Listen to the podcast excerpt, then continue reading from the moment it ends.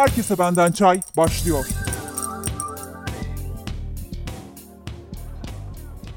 Merhaba, Herkese Benden Çay Podcast'ine hoş geldiniz. Ben Habibe Altıntaş.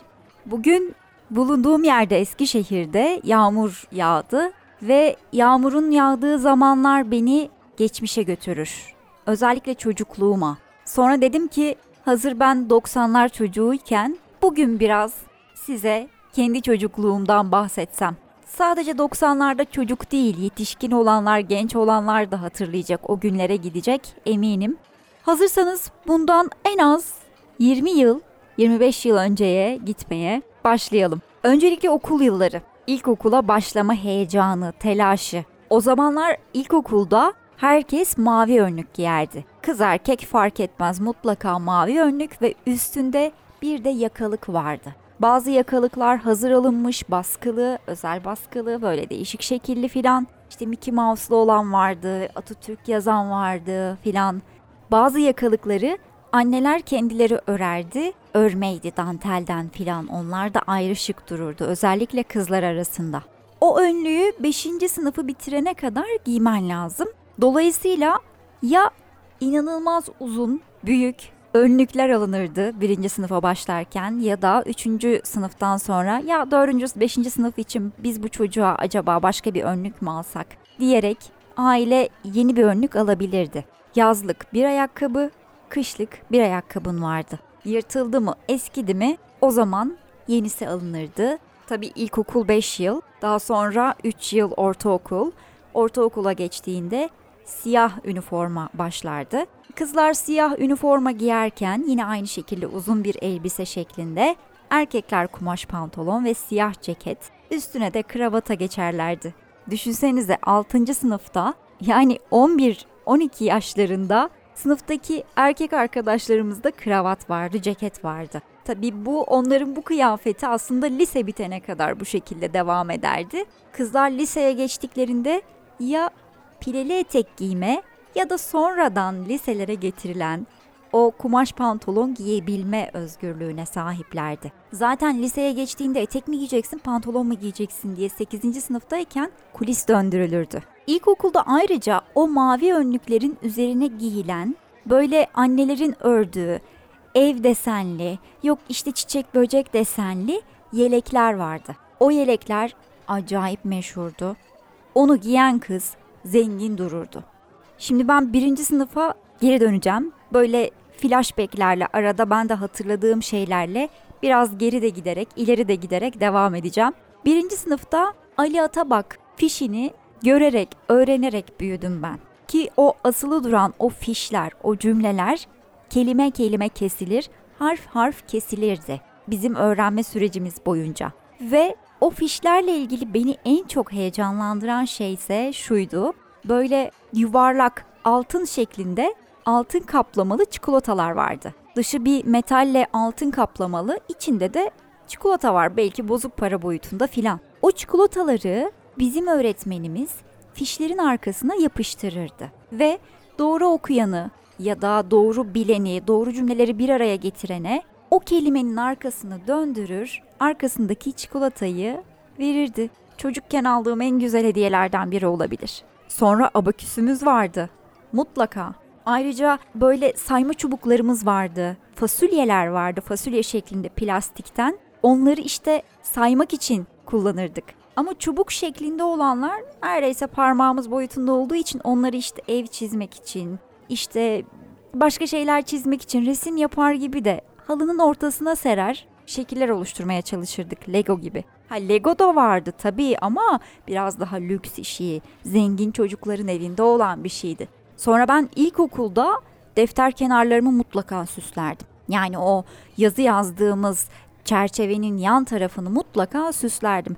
Hani şimdilerde e, Word Office programının içerisinde yapılan hazır kenarlık modelleri var ya işte o modelleri aslında biz Word programına çocukken yaptığımız defter kenarlıklarıyla ulaştırdık. Sonra bir kere okulun ilk haftası gerçekten farklı bir heyecanla, telaşla geçerdi. Hem çocuk için hem aile için. Çünkü okula gittiğimiz ilk gün kitaplar hangi kitaplar olacak, defterler nasıl olacak bunlar öğretmen tarafından bize bildirilirdi. Tabii Milli Eğitim Bakanlığı'nın o zamanlar ders kitaplarını okullara ücretsiz dağıtmadığı zamanlar olduğu için her dersin öğretmeni ya da işte ilkokuldaysan da sınıf öğretmenin her ders için hangi kitabın hangi yazardan alınacağı, hangi basım, hangi yayın evine ait olacağını bize söylerdi. İşte Türkçe dersi için şöyle bir defter alın, matematik için şöyle bir defter kullanın diye bir de defter tarifi verirdi boyutuna kadar hatta sayfa sayısına kadar. Tabii hemen ilk hafta o defterlerin alınması lazım. İkinci hafta itibariyle kesinlikle yani yazı çizgi işlerine başlanır. İlk hafta o defterlerle birlikte bir de kaplama kağıtları ve etiketler alınırdı. Hem defterleri hem kitapları kaplama kağıtlarıyla kaplar, üstüne de benim olduğu belli olsun diye değişik desenli etiketlerden yapıştırırdım ben. Bu etiketin üzerinde isim, soyisim ve okul numarası gibi bilgiler yazıyor. İşte mümkün olduğunca orayı tükenmez kalemle yazıp çıkmayacak şekilde kimseyle karışmasın, aman kaybolmasın diye yazardım mutlaka. Ayrıca ben tam olarak bir tüm dersler kitabı hastasıydım. Kırmızı, bilenler bilir, o saman kağıttan yırtılan, üzeri bir türlü silinemeyen, kötü baskı o kağıttaki tüm dersler kitabıyla galiba 8 yılımı bitirdim. İlk 8 yılımı ilkokuldan ortaokul bitene kadar. Ha bir de ben birinci sınıftayken hatta ikinci sınıfta, üçüncü sınıfta da hatırlıyorum bunu yaptığımızı, yapıldığını. Silgiler var bazıları kokulu böyle özel yani kıymetli filan ve silgiyi kaybetmemelisin. Dediğim gibi yani o kırtasiye alışverişi okulun ilk haftasında bir kez yapılır. Yok öyle aralarda derelerde sürekli kalem silgi defter alınmaya gidilmez yani. Silgiyi kaybettin mi yandın. Silgiyi kaybetmemek için o silgiyi ipe geçirip boynuna asan arkadaşlarım vardı. Ben asmadım hiç. Ama sıra arkadaşımı hatırlıyorum özellikle benden böyle eşyalarını sakınmaya çalışır gibi filan hareket ettiğini, sonra silgisini boynunda olduğu halde eliyle sıkı sıkı sardığını, sarmaladığını filan. Bunlardı kıskanılan şeyler. Sonra özellikle ortaokulda böyle Türkçe dersinin yanı sıra yazı dili ve edebiyatı gibi bir dersimiz vardı. Öyle bir ders hatırlıyorum. O dersin böyle müzik defterine benzeyen şekilde çizgili özel bir defteri vardı. O defterden alır. Daha sonra dolma kalem ya da divit uçlu kalemlerle, mürekkeple o derse gelir, güzel yazı yazardık. Ya da güzel yazı yazma dersi miydi? Öyle bir ismi vardı tam hatırlayamıyorum şu anda. Yalnız bizim öğretmenimiz divit kalemciydi. O yüzden benim ortaokulum divit uçlu kalemlerle geçti. Hep mürekkebim vardı. Babamın liseden kalma yadigar dolma kalemini arada bir götürür onunla da yazmak isterdim öğretmenden izin alıp falan ve yatık el yazısıyla müthiş yazılar yazardık. Ha sonra yazı yazmak demişken mektup yazma diye bir şey vardı gerçekten. İşte bazı derslerde ödev olarak ben bunu yaptığımızı hatırlıyorum. Bir akrabaya mektup gönderme ya da kartpostal gönderme gibi şeyleri. Ve akrabanın eline o mektup ulaştıktan sonra onun sana yanıt yazmasını bekleme heyecanı. Sonradan tabii liseye geçtiğimizde biraz daha böyle yabancı dil yoğunluğu da artınca yurt dışından mektup arkadaşı edinme çok popüler olmuştu. Ha telefon, telefon diye bir şey var evet. O çevirmeli telefonlardan bizde çok kısa bir dönem oldu. Onun dışında daha çok basmalı, manuel tipteki telefonları kullanmıştık. Yalnız o telefonla ilgili hatırladığım çok spesifik ve enteresan bir şey var. Tüm Türkiye'deki kişilerin, insanların numaralarını barındıran sarı kaplı bir defter vardı. Şimdilerde çok popüler olan şu 118 numaraları var ya, onun hepsinin bir deftere sıkıştırılmış halini düşünün. Tabii ben bir defter diyorum ama yani o telefon defteriydi, numara defteriydi. Bizim kendimiz numara yazdığımız defterler dışında devletin dağıttığı bir şeydi. Ansiklopedi tipinde düşünün. Yine eski gazete kağıdı tarzında bir kağıda basılmış saman kağıda baskılı, alfabetik sırayla giden, insanların isim soy isimleriyle birlikte yer aldığı ve sabit ev telefonlarının bulunduğu bir rehber, telefon rehberi. Ya şimdilerde böyle bir rehberi eline geçirse insanlar of diyorum ya. Yani geçirmemişken ne dolandırıcılıklar ne sapıklıklar yapıyorlar da neyse şimdiye hiç dönmeyelim biz geçmişte kalmaya devam edelim. İşte mesela akrabalardan filan böyle hani numarasını bilemediğimiz bulamadığımız biri olursa ola ki oradan açar bakardık numarasını bulurduk. Sonra okulla ilgili hatırladığım birkaç şey daha var. Bir tanesi 4. 5. sınıftan sonra filandı. İş eğitimi dersi diye bir dersimiz vardı. Şimdi bu derste gerçekten bence sanat yönü ağır olan çocukların bu yönünü ortaya çıkartması için güzel çalışmalar yapılmış o dönemde. Çünkü alçı, alçı kalıbı nedir? Nasıl dökülür? Nasıl kurutulur? Nasıl yapılır? Bunu öğrendik biz. Sonra üstüne sulu boyalarımızla o alçıları boyadık. Patatesten baskı yaptık. ipten baskı yaptık. Sulu boyalarla yine. Yine aynı şekilde metal levhadan baskı çıkarttığımızı hatırlıyorum. Ki benim çıkarttığım baskılardan bir tanesi Tom ve Jerry, öbürü de Çakmaktaş ailesiydi. Örgü ördük, öğrendik. Etamin nedir, nasıl işlenir bunu öğrendik. Benim hala ortaokulda ördüğüm atkım var, kullandığım. Ahşap boyamalar da yaptık. Az kontraplak kesmedim ben. Kıl testeresi nedir çok iyi bilirim mesela ve ben bunu çocukken öğrendim. Sonra üstüne vernik atıp onunla kafa bulduk. Yoğurt yapıştırıcıyla peçetelerle desenli güzel resimler yaptık. Ve daha hatırlayamadığım bilimum şey güzel şeyler. Yalnız bir de hepimiz çimlendirme yapmıştık. Fasulyeyi çimlendirdik mutlaka da. Onu hangi derste yaptık hatırlayamıyorum tam olarak. Yani bu hayat bilgisi gibi bir derste miydi yoksa iş eğitimi tarzında bir derste miydi ama mutlaka pamuğun içine o fasulyeyi koyup ıslak ıslak kokuta kokuta bekletip çimlendirmeyi de bekledik. Ha bir de şeyler vardı mesela ben hatırlıyorum ortaokuldayken de lisedeyken de tabii internet bilgisayarla ben daha geç tanışan bir ailede bir ortamdaydım. Dolayısıyla biz gazeteleri takip ederdik. Gazeteler deneme sınavları verirdi, seviye tespit sınavları verirdi. Lise içinde, ortaokul içinde ya da geçmiş yıllara dair çıkmış sorular filan verirdi. Onları takip eder özellikle o gün gider gazete alırdık. Onları çözerdik. Gazeteden sadece sınav mı alırdık? Neler almadık? Kupon biriktirme diye bir şey vardı. Annemin ben biriktirdiğini, bir şeyler aldığını hatırlıyorum. Ben üniversiteye geçtiğimde içimde ukde kalmıştı bir kupon biriktirme meselesi. Kupon biriktirdim ve 30'lu müthiş bir belgesel seti aldım DVD. Hala durur, hala bazılarını arada açar izlerim. İyi ki almışım. Gazeteden uygun fiyata kupon biriktirerek. Ev ortamına gelecek olursak, ben biraz şanslılardan mıyım bilmiyorum bu konuda. Benim köyde de güzel bir hayatım oldu. Sobayla büyüdüm ben. Köyde olmasa da bulunduğum ilçede de soba kullandık biz. Sobanın üstünde her zaman güğüm vardı, sıcak su vardı. Süt, çay bunlar sobanın üstünde pişerdi. Ekmek sobanın içinde ya da üstünde ısıtılırdı. İşte patatesi, kestanesi böyle pişen şeyleri zaten saymıyorum bile. Kedi, köpek, tavuk, inek gibi hayvanlar benim en yakın arkadaşlarım filandı. Hepsiyle büyüdüm diyebilirim. Şimdi babaanne ve anneanne evine gittiğim zaman oranın daha da farklı bir atmosferi vardı köyde. Onların bizden daha böyle eski güllü dallı perdeleri vardı ve orada kaldığım gecelerde şunu hatırlıyorum. Sabah uyanıyorsun, onun serdiği döşeğin içinde böyle bir buruk bir naftalin kokusu ve mutlaka çocuklar sever diye yaptığı burnuma inceden gelen patates kızartması kokusu. Sonra mesela bir önceki akşam eğer herhangi bir komşuya misafirliğe gitmişsek ya da işte anneannemden babaanneme gece yürümek zorunda kalmışsak karanlıkta. Köyde aydınlatmalar önceden o kadar iyi değildi tabii. Böyle metalden bir feneri vardı babaannemin hiç unutmuyorum. Ucunda da ip asılı. Yani ben kendimi bildim bileli o feneri vardı ve gece gezmelerinin, misafirliklerinin vazgeçilmeziydi. Ayrıca özellikle köylerdeki evlerde kullanılan çok spesifik örgüden paspaslar vardı. Bu paspaslar kapı geçişlerine özellikle konulurdu, kapı eşiklerine.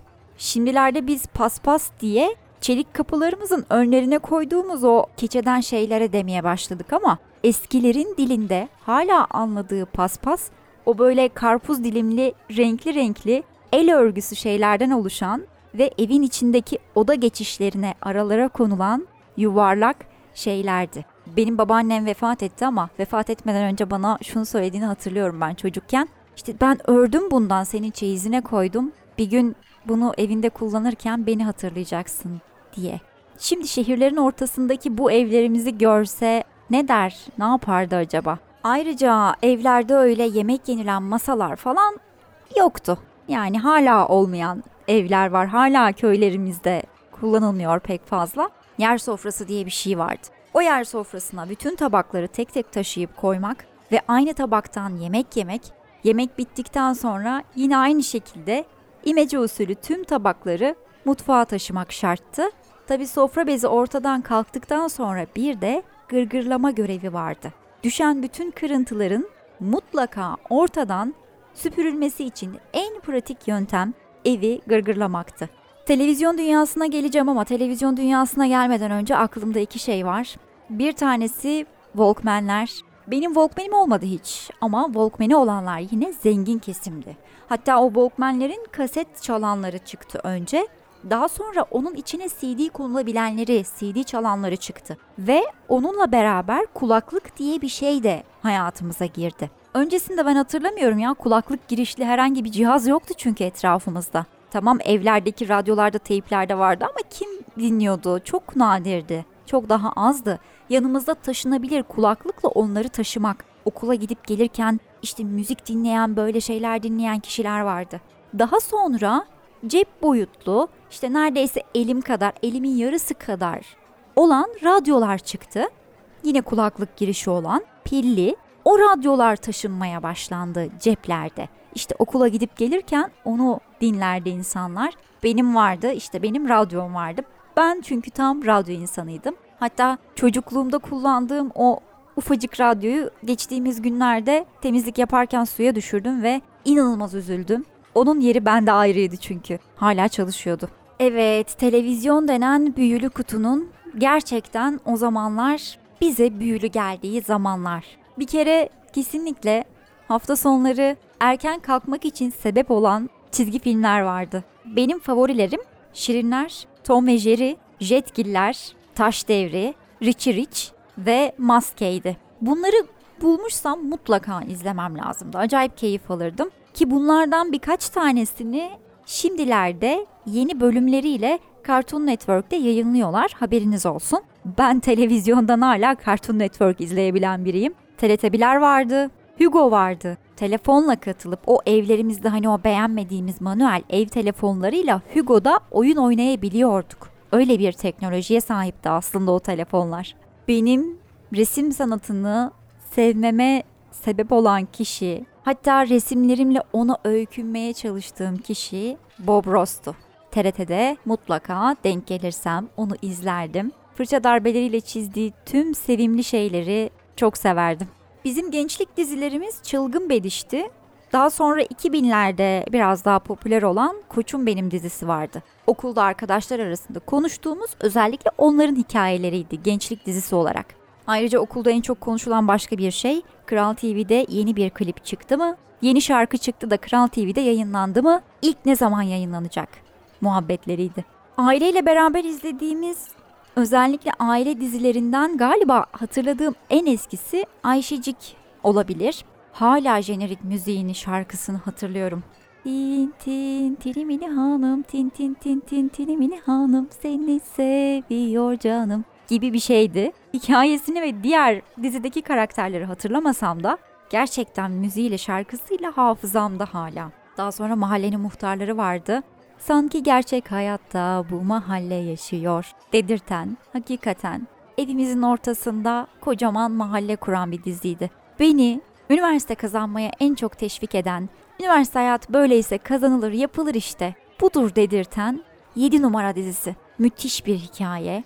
Yani zaten daha sonra çocukluğumdan sonra da ben onu iki kez filan baştan baştan izleyip bitirdim. Hatta en son iki yıl kadar oluyor yine izleyip bitireli tekrar bir daha izleyebilirim. Ne zaman olsa, ne hikayesi olsa izleyebilirim. Pazar günleri e tabi banyo günü, ütü günü, televizyonda ne açık olurdu? Ya Şahane Pazar hatırlıyorum ya da Sihirli Annem hatırlıyorum ben. Mutlaka onlardan biri açıktı bizde. Bir de yılan hikayesini izlemeyi çok severdik. Onu da izlemeyen yoktur zaten. Benim çocukluğum sokakta nispeten yaşıtlarıma göre daha az oyun oynayarak geçti ama en çok oynadığım ve arkadaşım olduğunda sevdiğim oyun seksekti benim mesela. Ama tabii körebe, saklambaç gibi oyunları oynadık biz de haliyle. Toprağa taşlarla çizilen sekseğin tipi hala hafızamda ama. Evde tabii böyle çok lüks bebeklerim falan da yoktu benim ve kendi bebekliğimden kalma kıyafetleri bebeklerime giydirirdim. Hala hatırlıyorum o kıyafetleri İşte daha çok erkek çocuklar kullansa da ben de kullanmıştım. Boncuk ve mantar tabancaları vardı. Su tabancaları vardı. Hatta su fışkırtan yüzüğüm bile vardı bir ara benim. Ayrıca ahşaptan yapılmış bir arabamız vardı mutlaka. Tornet de denirdi. O arabayı işte yokuş yukarı bir yere çıkartıp sonra yokuş aşağı onu sürmek acayip keyifti. Aklıma şey geldi. Babamın galiba bana verdiği ilk harçlık olması lazım. Bir kağıt para verdi. Hatırlamıyorum ne olduğunu ama 1 milyonlardan çok harçlık yaptık biz ilkokulda. Öyle bir şey olması lazım. Dedi ki işte şu kadarıyla simit al sana dedi para üstünü verecekler dedi. Para üstünü geri getir dedi akşam. Şimdi ben düşünüyorum kantinden gittim simit aldım diyorum ki bu parayı kesin kesecek. Ama neresinden kesecek? Ben kağıt parayı gerçek anlamda makasla keseceğini, bir kısmını kullanacağını, kalanını bana geri vereceğini düşünüyordum. Sonra adam bana işte paramın üstü olarak bozuk paralar vermişti yanlış hatırlamıyorsam. Ben onları aldım ama nasıl paniğim? Akşama kadar akşamı zor ettim. Akşam eve gittim. Bunları verdi bana dedim paranın üstü olarak. Doğru mu? Babam dedi doğru. Tamam ne kadar aldın sen bunu? Doğru almışsın. Galiba çocukluğumda hatırladığım en saf düşüncem o olabilir. Özellikle de parayla ilgili keşke bu kadar saf kalsaydı düşüncelerim. Hazır böyle kantinden bir şeyler almak demişken yaz geldi mi bizim okulun kantinine meybuz gelirdi. Yani şimdi olsa hayatta ağzıma koymayacağım buzdan sulu şeker. Sonra kaprisan vardı meyve suyu. Onu içer sonra onu şişirir pipetiyle ve patlatırdık sınıfta. Choco Prens benim favorimdi. Daha sonraları Probis çıktı. Probis özellikle lisede filan daha çok favorimdi. En sevdiğim çikolata Tadelle'ydi. Bir de Yum Yum vardı. Evde ise eğer sabahları kahvaltıda çoku krem varsa kendini şanslı, zengin hissedebilirdin. Ayrıca muz sayıyla, taneyle gelirdi eve. Böyle 40'da yılda bir alınırdı bizde. Çok kıymetliydi. Ben var ya bu söylediğim tatları gerçekten şimdi damağımda hissediyorum. Neden biliyor musunuz? Bunları ağzıma attığım zaman zaten az yediğimiz için ya da sayılı verildiği için anne baba tarafından onu ağzımda bekletirdim. Bir güzel eritir sonra mideme yollardım. Ben pek bir şeyleri çiğneyerek yediğimi hatırlamıyorum. Bütün çikolataları ağzımda bekletip eritip sonuna kadar tadına varıp hatta damağımdan bütün beyin hücrelerimin ondan faydalanmasını sağlayıp öyle yutardım. Benim çocukluğumda köyde hatırladığım en güzel şeylerden bir tanesi de seyyar satıcılardı köye gelen. Ama böyle hem abur cubur satarlardı hem de böyle temel gıda ihtiyaçlarından satarlardı. Yalnız benim en sevdiğim köpük helva satmaya gelen satıcıydı. Bilir misiniz bilmiyorum beyaz böyle köpükten bir helva. Birkaç yıl önce ben buldum yine ondan ve aldım. Kapalı kutuda tabii böyle açık satılanı seyyar satıcıdan falan değil de bir dükkanda buldum aldım. Hala lezzetli geliyor ama eski tadı yok tabii. Televizyonun bizim 90'lar çocukları için yeri daha ayrı çünkü biz televizyonu aynı zamanda Atari kutusu olarak gördük. Süper Mario'nun sevgilisini kurtarmak için bütün level'ları ışık hızıyla atladığımı hatırlıyorum. Hala oynasam hala aynı tülenleri hatırlayabileceğimi düşünüyorum. Tabii farklı oyunlardan oluşan Atari kasetlerimiz de vardı. Daha sonra biz bir ara VCD player aldık. VCD player'ın içinden bir tane oyun CD'si çıktı. Bu, bunu çok fazla oynayan çocuk yoktu o dönemde. Ben o oyun CD'sindeki bütün oyunları da oynadım. Hepsini hatırlıyorum. Hele bir tanesi yine Mario'ya benzer atlaya zıplaya yine maceralara koşuyordu ormanlar içerisinden filan böyle bütün seviyelerini hatırlıyorum. VCD player demişken o VCD player neden vardı?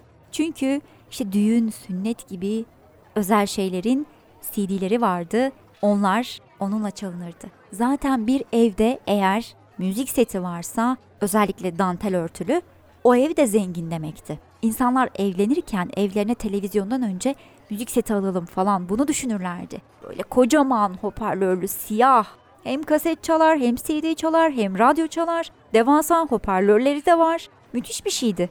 Bizde müzik seti yoktu. Daha sonraları el aterisi çıktı. Tetris de denen el atarileri ki benim çocukluğumdaki el aterim hala duruyor. Hala çalışıyor. Hala arada bir açıp oynuyorum.